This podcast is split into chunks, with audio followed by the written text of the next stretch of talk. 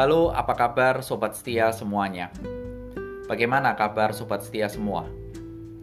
Pada kesempatan hari ini, saya mengajak kita semua untuk kembali berdoa, tetapi secara khusus kita berdoa untuk setiap orang tua yang kita tahu sedang membimbing anak belajar di rumah secara online.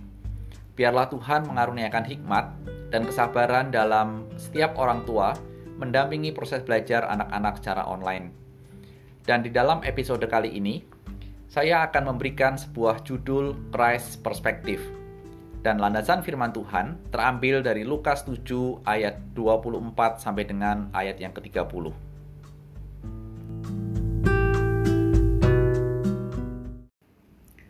Setelah suruhan Yohanes itu pergi, mulailah Yesus berbicara kepada orang banyak itu tentang Yohanes.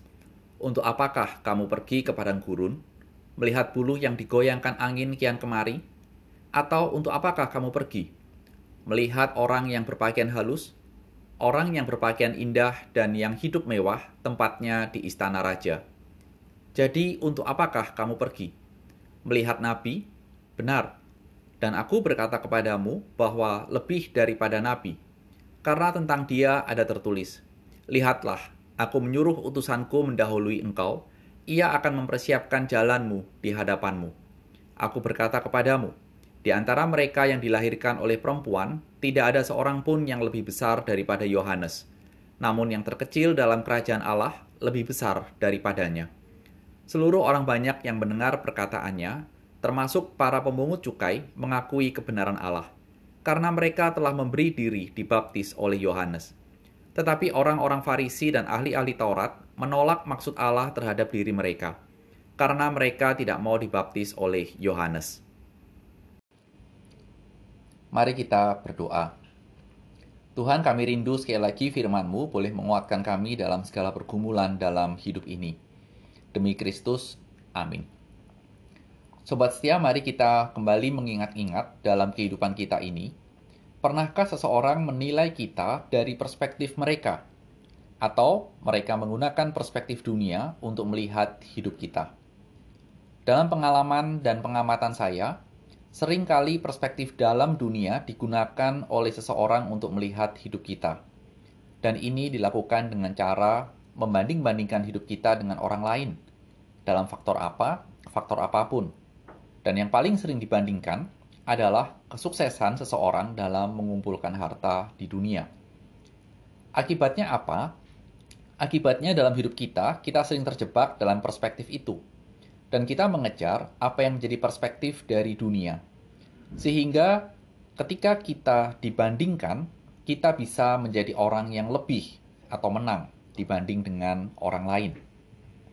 Dalam bacaan kita, sikon yang ada pada saat itu adalah kurang lebih sama. Orang-orang mulai membandingkan, mulai menilai Yohanes dari perspektif mereka. Meskipun kita tidak tahu apa yang menjadi perspektif atau pertanyaan-pertanyaan dari mereka. Tapi kita bisa melihat bahwa setelah dua murid Yohanes pergi, Tuhan Yesus memberikan suatu pembelaan terhadap Yohanes di depan orang banyak itu. Seperti apa pembelaan dari Tuhan Yesus terhadap Yohanes? Perhatikan ayat 24 sampai dengan ayat yang ke-26. Pembelaan Tuhan Yesus dimulai dengan sebuah pertanyaan. Apa yang kamu lihat di padang belantara? Ini sebuah pertanyaan yang sampai Tuhan Yesus katakan tiga kali.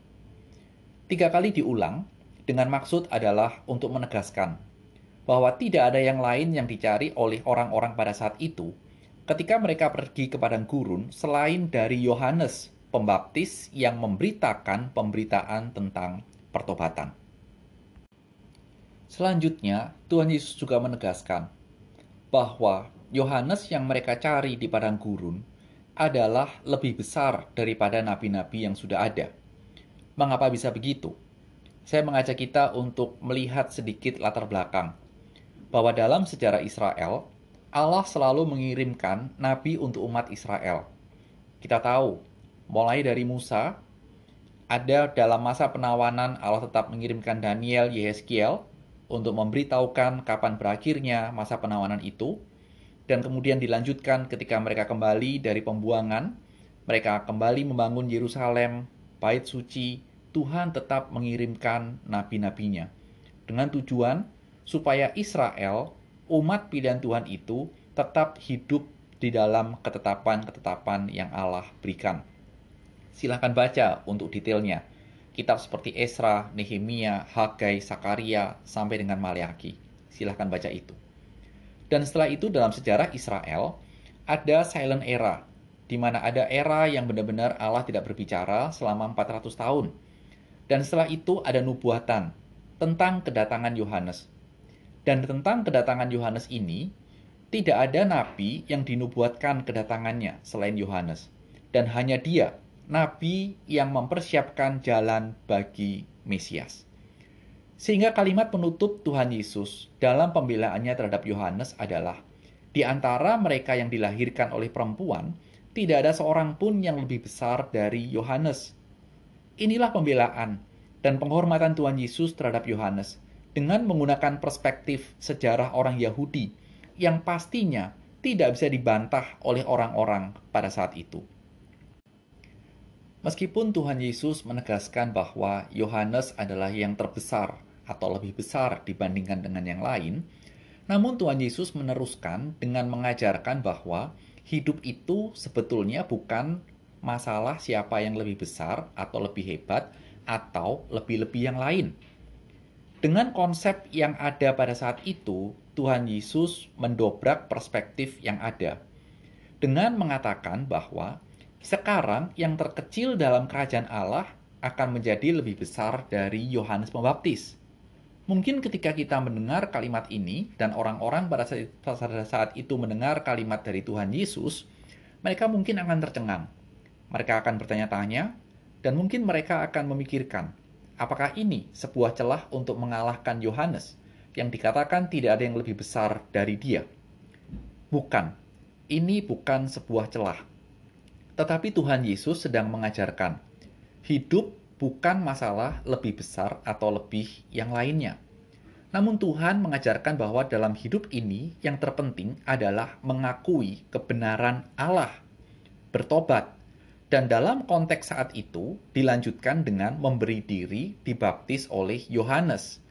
Itu muncul dalam ayat 29. Dan inilah yang terpenting, bukan siapa yang lebih besar, tetapi mengakui kebenaran Allah. Dan inilah yang saya katakan Christ perspektif. Bagaimana dalam Kristus melihat, perspektif Kristus melihat yang penting. Meskipun hal yang penting ini sudah disuarakan dan diterima oleh banyak orang, dan secara khusus pemungut cukai, tetapi dalam bagian akhir cerita ini, dicatat bahwa bagi orang Farisi dan ahli Taurat, itu bukan yang terpenting.